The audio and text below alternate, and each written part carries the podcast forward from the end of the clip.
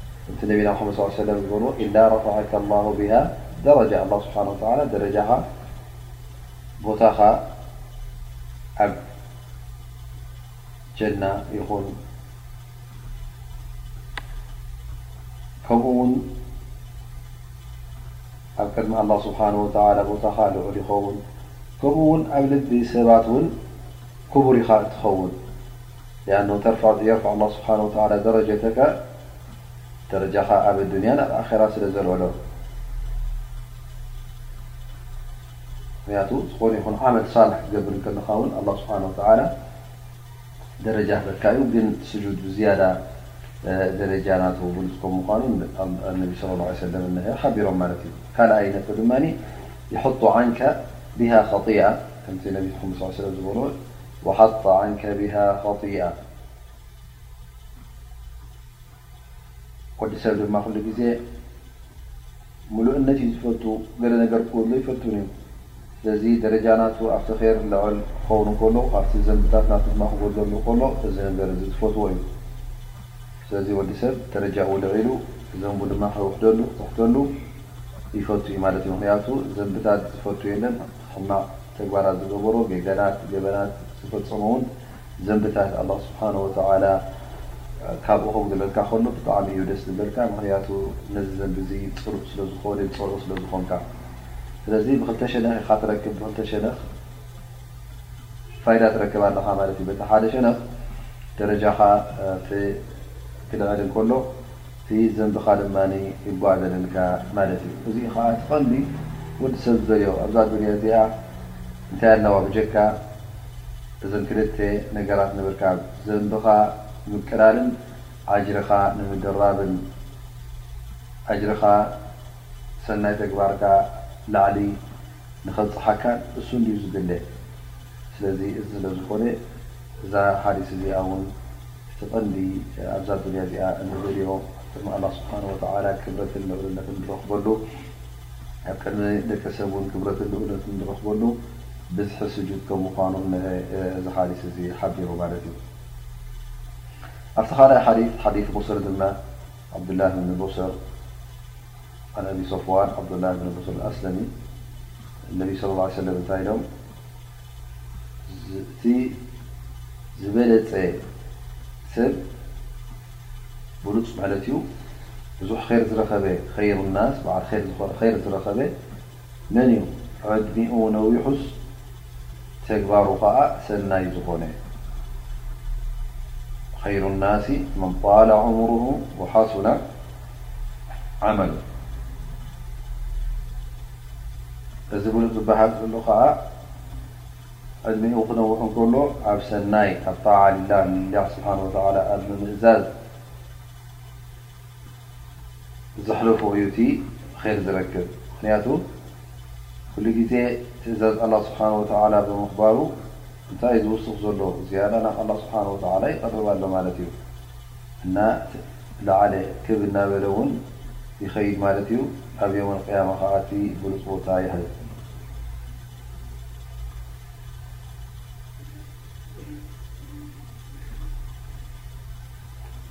ወዲ ሰብ ድማ ኩሉ ዓመል ዝገብሮ ኣብ ዕድሚኡ ድማ እንተ ኸይር ኮይኑ ናብ ናብ ኣላ ስብሓን ወተዓላ እዩ ዘቕርቦ። እንተ ኼር ዘይኮነ ግን ካብ ኣላህ ስብሓነሁ ወተዓላ ይርሕቖ ማለት እዩ።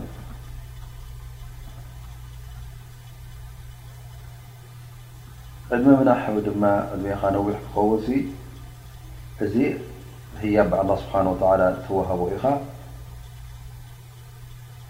ማለት ኣላህ ስብሓን ወተዓላ ዝወሰኖ እዩ ዝኸውን ንስኻ ኣብ ኢድካ ዘሎ የለን ኣብዚ ጉዳይ እዚ እውን ምርጫ የብልካን ኣላ ስብሓን ወተዓላ መዓስ ከም ትመውት ምረፅ ኢሉ ኣይሓትተካን ላኪን ኣላ ስብሓን ወተዓላ ባዕሉ ይወሲንዎ እዚ ጉዳይ እዙ ብኻልእ ሸነኽ ግን እቲ ተግባራት ሰናይ ተግባር ኮይኑ እከይ ተግባር ኮይኑ ንስኻ ኢኻ ትመርፆ ክትገብሮ እትኽእል ኣላህ ስብሓነ ወተዓላ ክእለት ሂቡካ እዩ። ስለዚ እስኻ ተግባርካ ከተፅብቕ ወይ ከዓ ከተበላሹ ትኽእል ኢኻ። ኣላህ ስብሓነ ወተዓላ ዓቕሊ ሂቡና እዩ፣ ክታብ ኣውሪዱልና፣ ልኡኻት ልኢኹ፣ እቲ ዝግባእ ኩሉ እውን መብርህታት ዝግባእ መብርህታት ውን ሂቡና እዩ ክንመርጽ ውን ገዲፉና ማለት እዩ ስለዚ ዝኾነ ይኹን ሰብ ሰናይ ተግባር ክመርጽ ይኽእል እዩ ወይ ከኣ ንሰናይ ነጺጉ ኣብ እከይ ኣብ ሕማቕ ኣብ ሽርክ ኣብ ጥፍኣት ውን ክወድቕ ይኽእል እዩ ስለዚ እዚ ምርጫ ኣለዎ ወሀደይናሁ الነጅደይን ፈለቅተሐ መልዐቀበ ወድሰብ ኣላህ ስብሓን ወተዓላ ክኸልቆ ከሎ ክልተ መንገዲ ከም ዘለዋ ኣርእይዎ እዩ እዘን ክልተ መንገዲ እውን ክመርፀን ከም ዝኽእል ሓንቲኤን ክበስብ ከም ዝኽእል እውን ኣላህ ስብሓን ወተዓላ ሓቢሩ እዩ ስለዚ እንተ ደኣ ዕድሜኻ ክነውሕ ኮይኑ ማለት ሲ ነዊሕ ዕድመ ረኺብካ እዚ ነዊሕ ዕድመ ተዋሃብካዮ ኣብ ር ኣብ ሰናይ ክተጥፍኦ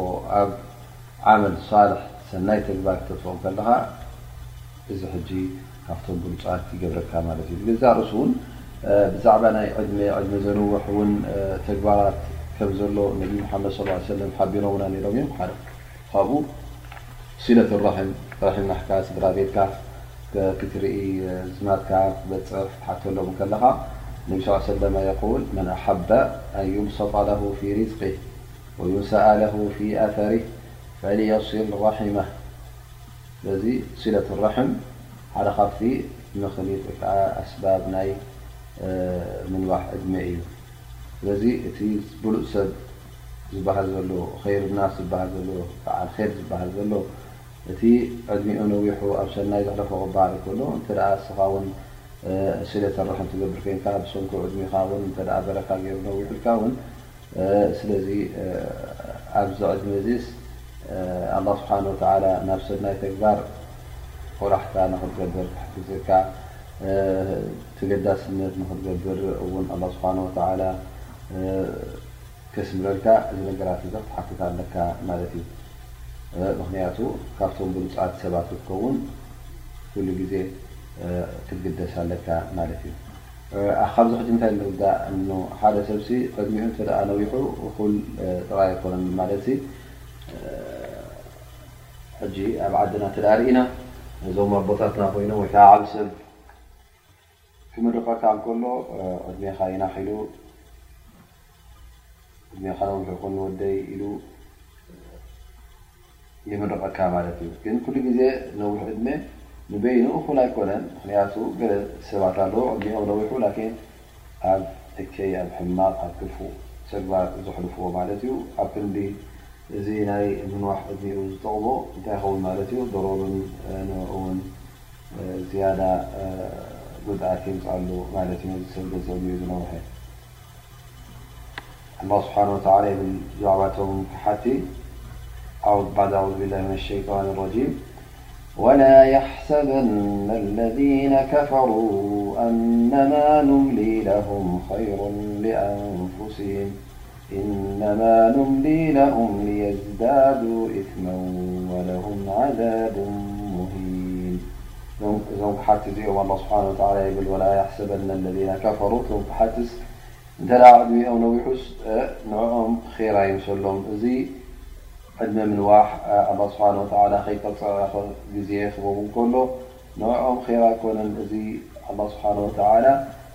ዕድል እዩ ዝህቦም ዘሎ ብዝያዳ ድማ እቲ ዘንቦም እናበዝሐ እዩ ዝኸይድ ዘሎ እምበር እናነከየ ኣይኮነን ምኽንያቱ ዕድሚኦም ክነውሕ እንከሎ እሶም ከዓ ገበርቲ እከይ ክኾኑ እንከለዉ እንታይ እዮም ዝእክቡ ዘለዉ እንታይ እዮም ዝኣርዩ ዘለዉ ዘንብታት እዮም ዝኣርዩ ዘለዉ ማለት እዩ እዚኦም ከዓ ኣላ ስብሓን ወተላ ይቁል የዝዳዱ ኢትማ እዞም ከም ዝኣመሰሉ ኣላ ስብሓን ወተላ ከምዚ ገይሩ ዝቆፅዖም ዘሎ ብዝያዳ እዞም ክሓድቲ እዚኦም ምእንቲ ዘንቦም ክበዝሕ ዕድሚኦም ነዊሑ ኢልካ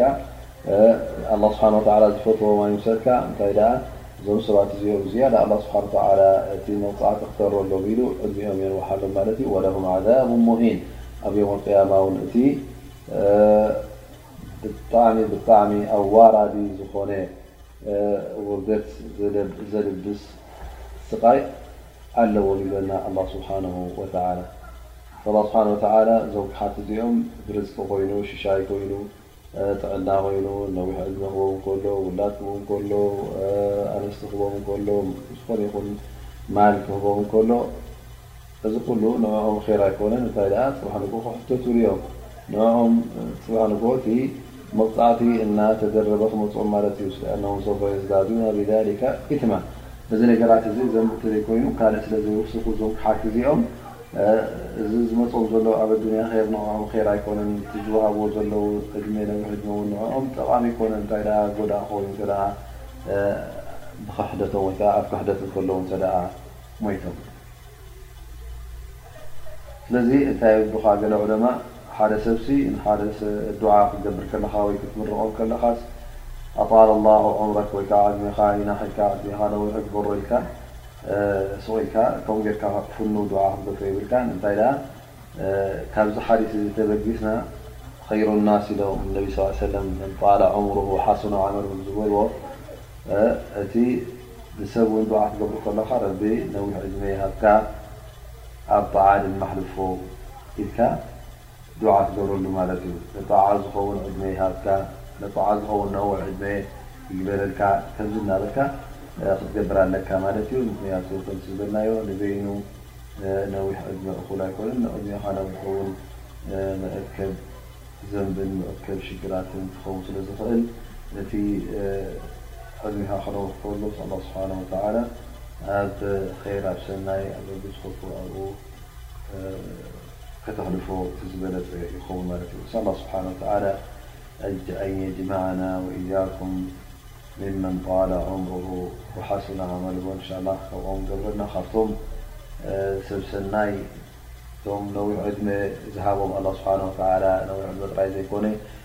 ምስኡ ውን ዓመል ሳልሕ ሰናይ ተግባር ዝወፈቆም ንሰናይ ተግባር ዘምረሖም ካብኦም ገብረና ምክንያቱ መጨረሻ ድማ ሑስነል ኻቲማ ክበና ከሎ እዚ ዓቢ ድልየትና ይኸውን ማለት እዩ። እዚኦም እቶም ቀዳሞት ክልተ ሓዲት ክኾኑ ከለዉ ሓዲት መበል ሚትን ሸውዓተን ሚትን ሸሞንተን ወሲድና ሕጂ እንሻ ኣላ ተዓላ ውን ብድሕሪኡ ሓዲስ መበል ሚትን ትሽዓተን ክንኣቱ ኢና ማለት እዩ እሱ ከዓ ቁፅሪ ዓሰርተ ሓሙሽተ ኣብቲ ሕዘበልና ርእስቲ ቁፅሪ ዓሰርተ ሓሙሽተ ይኸውን هذا الحدييقولعن أنس رض الله عنه قال غاب عمي أنس بن النر الل عنهعن قتال بدر فقال يا رسول الله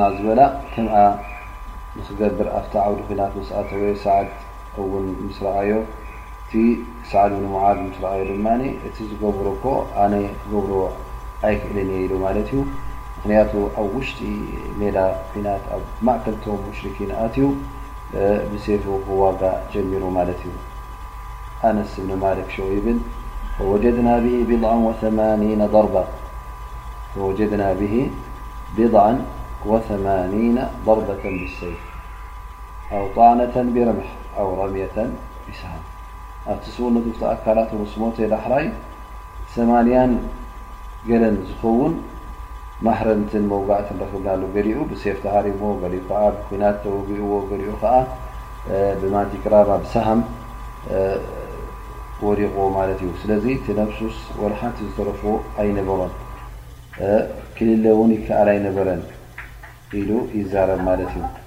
ፈተረሁ እቶን እቶም ሙሽርኪን ምስ ቀተልዎ ድሕሪኡ ሓንቲ ገደፉሉን ብሴፍ ገይሮም ተጻዊቶምሉ ማለት እዩ ገጹ ከም ዘይፍለጥ ኣካላቱ ከም ዘይፍለጥ ገይሮሞ ማለት እዩ መን ከም ምዃኑ ከም ዘይልለ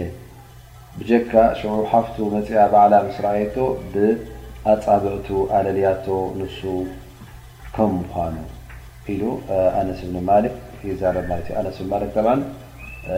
ሓወቦኡ እዩ እዚ ሞይቱ ዘሎ ወይ ከዓ እዚ ኣነስእሱን ኣነስ እዩ ዝበሃል ግን ሓወቦኡ እዩ ኣነስ ብኒ ነበር ንኣነስ ብኒ ማልክ ሓወቦኡ ይኸውን ማለት እዩ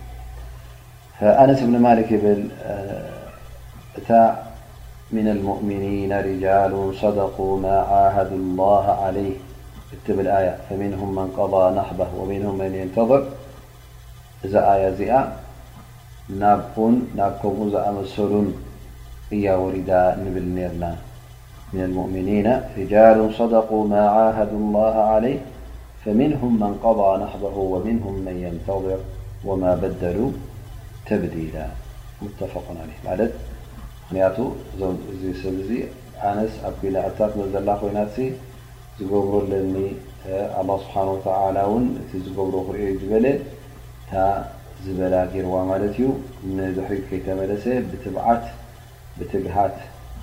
ምእንቲ ሓለዋ እስልምናን ምእንቲ ሓለዋ ዲን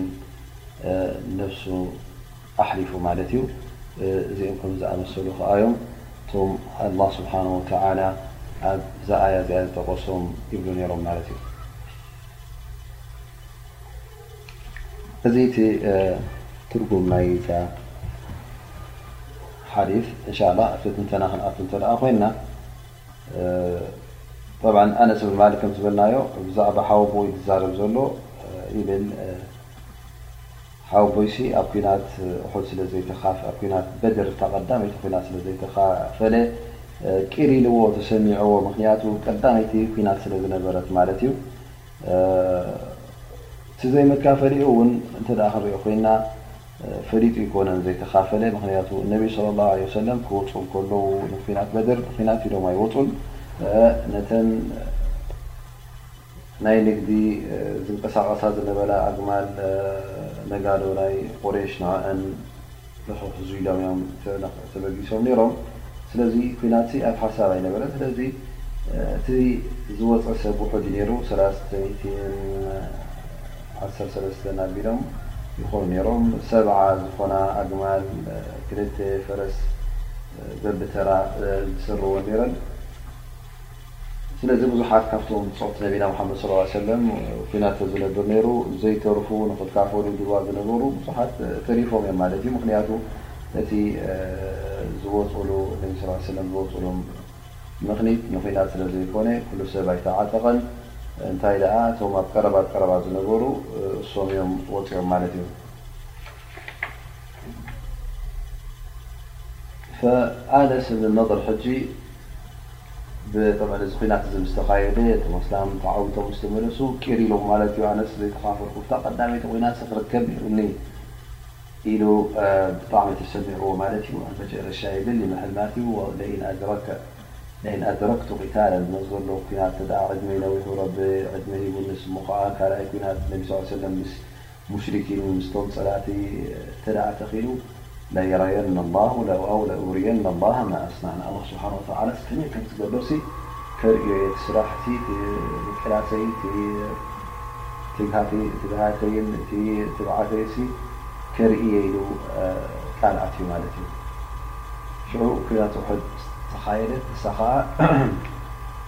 ኲናት ኡሑድ መዓስ እያ ተኻይዳ? ድሕሪ ዳርጋ ዓመት ኮይኑ ማለት እዩ። ዓመትን ሓደ ወርሕን ዳርጋ ኣቢሉ ማለት እዩ። ሽዑ ኩሉ ሰብ መብዝህቱ ኣብ መዲና ዝነበረ ንኲናት ወፅዩ ማለት እዩ። ኣብዚ ኲናት እዚ መጀመርያ እቶም ማስላም ተዓዊቶም ግን ዳሕራይ እቶም ነቢ ሰለላሁ ዓለይሂ ወሰለም ኣብ ዕርዲ ኣትሒዝዎም ዝነበሩ ወንጨፍቲ ማቲ ክራማ ካብቲ ቦትኦም ስለ እተላዕሉ ካብ ትእዛዝ ነቢና ሙሓመድ ሰለላሁ ዓለይሂ ወሰለም ስለ ዝወጹ ኣብዚ ሰዓት እዚ እቶም ሙሽሪኪን ዕድል ረኺቦም ብድሕሪት ነቶም ኣስላም መጺኦም ከጥቅዕዎም ክኢሎም ማለት እዩ ሽዑ ነብሶም ክቆጻጸሩ ይካኣሉ እቶም ኣስላም ፋህ ብትል ኣትይዎም ማለት እዩ ሽዑ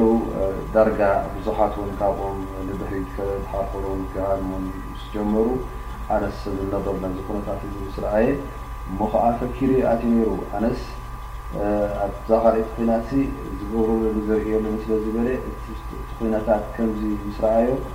እንታይ ይብል ኣላሁመ ኢኒ ኣዕተዚሩ ኢለይከ ሚማ ሰነዐ ሃኡላእ ኣንታ ረቢ ይቅረ እብለካ በቲ እዞም ብፆተይ ዝገበርዎ ማለት ናይ ነቢ ሙሓመድ ሰለላሁ ዓለይሂ ወሰለም ትእዛዝ ገዲፎም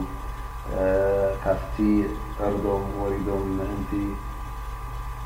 ስልብታት ንክእክቡ ኣነ ካብዚ ነገር እዚ ኣንታ ጎይታይ ይቅረ እብለካ ከምኡ ውን ካብቲ እቶም ሙሽሪኪን ዝገብርዎ ዘለዉ ውን ኣነ ካብኡ በሪእ እየ ካብኡ ናጻ እየ ኢሉ ጠኒኑ ናበይ ይኣቱ ማለት እዩ ናብቲ ዓውዲ ኩናት ናብቲ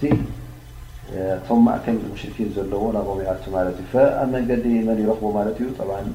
ሳዕድ እብኒ ሙዓዝ ይሓቱ ይርእዮ ማለት እዩ ጠኒኑ ክኣቱ ናበይካ ደኣ ትኸይድ ዘለኻ ናበይ ገጽካ ደኣ እካ ትጠንን ዘለኻ ኢሎም ምስ ሓተቶ ያ ሳዓድ እብሎ ኣንታ ሳዓድ እብሎ ኣነ እኮ ጨና ናይ ጀና ፊነጆዛ ጎቦ ኡሑድ እያ ዝረኽባ ዘለኹ እዚ እውን እዚ ጨና እዚ ዝረኽቦ ዝነበረ ናይ ብሓቂ ከም ምዃኑ ክንፈልጥን ክንኣምንን ይግብኣና ማለት እዩ። ለእኑ ደኣ ኣላ ስብሓን ወተዓላ በዚ ከምዚ ገይሩ ልቡ ኣፅርዩ ንኣላ ስብሓን ወተዓላ ቃል ዝኣትወሉ በዓል ኢማን ስለ ዝኾነ ኣላ ስብሓን ወተዓላ ጌና ኣብ ኣዱንያ ከሎ ውን ከራማ ይህቦ ማለት እዩ። ስለዚ ጨና ናይ ጀና ብሓቂ እዚ ሰብኣይ ስለ ዝረኸበ እንታይ ይገብር ማለት እዩ መሊሱ ጠኒኑ ናብ ቅሚሚት ይኣቲ ማለት እዩ ንድሕሪት ከይተመለሰ ኣብ ምንጎ ቶም ሙሽርኪን ኣትዩ ከኣ ኩናቱ ምስ ቀጸለ ግብ ኩሉም ተኣኪቦም ይቀትልዎ ማለት እዩ ዳርጋ ሰማንያን ገለን ዝኸውን ኣብ ኣካላቱ መውቃዕትን ማህረምትን መቑሰልትን ይርከብ ማለት እዩ። እዚ ማህረምቲ መቑሰልትን እውን ብቐረባ ብሴፍ ዝተሃረሞ ይኹን ብኲናት፣ ብማንቲ ክራማ፣ እዚ ኩሉ ነብሱ ተጸቢሑ ማለት እዩ። ዝፈልጦ እውን ኣይተረኽበን ብጀካ ሓፍቱ ከምቲ ዝበልናዮ ብምንታይ ፈሊጣቶ በቲ ኣጻብዕቱ ፈሊጣቶ ማለት እዩ።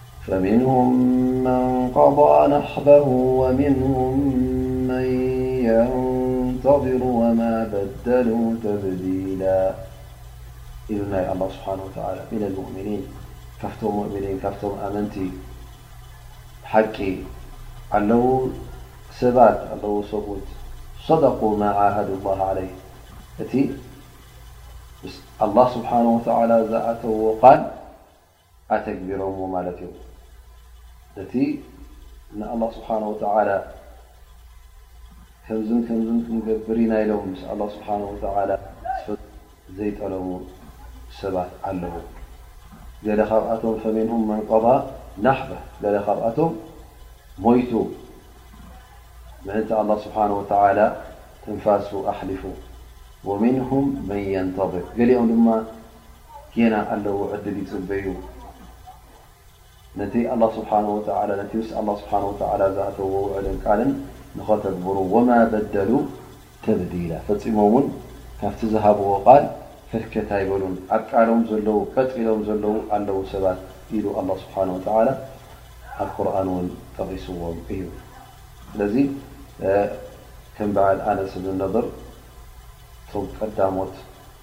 ኣብዚ ኣያ እዚ ወይ ከኣ ኣብዛ ኣያ እዚኣ ዝኣትዉ እዮም። ስለዚ ምኽንያቱ እቲ ዝበልዎ ውዕል ኣብ ግብሪ ስለ ዘውዓልዎ። ምኽንያቱ ኣነስ እንታይ ኢሉ ወላሂ ለየረየነ ኣላሁ ማ ኣስነዕ ወላሂ ንዓና እዩ ምሒሉ ወላሂ ኣነስ እንታይ ከም ዝገብር ኣላህ ስብሓን ወተዓላ ክርእዮ እዩ ኢሉ ቃል ኣትዩ ነይሩ ማለት ንኣላህ ስብሓን ወተዓላ ዝፈትዎ ከርእዮ እየ ንኣላህ ስብሓን ወተዓላ እቲ ንሱ ግበርዎ ዝበለና ኣብ ዓውደ ኺናት ሓደ መስርዕ ኮይንኩም ሓደ ኣካል ኮይንኩም ንድሕሪት ከይተመለስኩም ተቓለሱ ምእንታይ ተዋግኡ ዝበለና እዚ ነገር እዝስ ከተግብሮ እየ ክርእዮ ኢሉ ቃል ስለ ዝኣተወ ከምታ ቃል ዝኣተዋ ድማ ኩሉ ሰብ ከድሓርሐሩ እንከሎ ኣብቲ ግዜ ፍሽለትን ኣብቲ ግዜ ድኽመትን ንሱ ጠኒኑ ኣብ ዓውዲ ኩናት ብትብዓት ስለ ዝቐፀለ ከምታ ዝበላ ድማ እዚ ሰብ እዚ ክሳዕ እታ ትካኣሎ ተቓሊሱ ክሳዕ እታ ትንፋሱ ትሓልፍ ድሕር ከይበለ ተቓሊሱ ማለት እዩ። እዚ ከም ዝኣመሰለ ድማ እንታይ እዩ እቲ ወዲ ሰብ ሊላህ ኢሉ ክቃለስ ከም ዘለዎ ኣብቲ ጣዓት ላህ ኣብቲ ምእዘዛ ኣላህ ስብሓን ወተዓላ ኣብኡ ክርከብ ከም ዘለዎ ምክንያቱ ሰባት ክቃለሱ ከለዉ በብዓይነቱ ይቃልሲ እዩ ገሊኡ ብማሉን ብነፍሱን ሊላህ ኢሉ ንሊላህ ወፅእ መጨረሻ ውን ወላ ሓንቲ ሒዙ ኣይተርፍን ላማሉ የለ ላነፍሱ ውን የለ እዚኦም እቶም ዝለዓለ ደረጃ ዘለዎም ማለት እዩ እቶም ዓብይ ጅሃድ ሊላህ ኢሎም ዝጃሃዱ ማለት እዩ ገሊኦም ከዓ ብስያም ይኹን ብጾም ይኹን ብሰናይ ተግባር ይኹን ብማሉ ይኹን ብንብረቱ እውን ዝቃለስ ኣሎ ብምኼር ኩሉ ግዜ ኣብ ኼር እትረኽቦ ኣብ ሰናይ እትረኽቦ ኣብ ረቢ ዝፈትዎ ሜዳ እትረኽቦ ኣብ ረቢ ዝፈትዎ ምንቅስቃሳት እትረኽቦ እውን ኣሎ ማለት እዩ ኩሉ ግዜ እቲ ንረቢ ዘድልን ንረቢ ዘፍትን ንዕኡ ጥራይ ንኽገብር ለይትን መዓልትን ከይደቀሰ ከይዕረፈ ላዕልን ታሕትን ዝብል ሰብ ውን ኣሎ እዚ ዩ እቲ ሙጃሃዳ ዝባሃል ናይ ብሓቂ ሙጃሃዳ ዝባሃል ኩሉ ግዜ ብዝከኣለካ መጠን ነቲ ረቢ ዝፈትዎ ነገር ክትገብር ከለኻ ማለት እዩ ኣብ ዝኾነ ይኹን ዓይነት መዳይ እቲ ኣላ ስብሓን ወተዓላ ዝፈትዎ ነገራት ውሑድ ኣይኮነን ብዙሕ እዩ እስኻ ድማ ብዝከኣለካ ኢኻ ካብኡ ትወስድ ዝጭረስ ኣይኮነን ኩሉ ሰናይ ተግባራት ክበፅሖ እየ እንተ ኢልካ ኣላ ስብሓን ወተዓላ የቃልለልካ እዩ ክትበፅሖ እተ ንያ ኣለካ ኮይኑ ክትበፅሖ ኢኻ ኣብሽር ግን ናይ ብሓቂ ንያ ክህልወካ ኣለዎ ማለት እዩ ኣላ ስብሓን ወተላ ድማ እታ ንያ ካሪኡ እታ ትፈትዋ ሰናይ ንክትገብራ ኣላ ስብሓን ወተላ ይሕግዘካ እዩ ስለዚ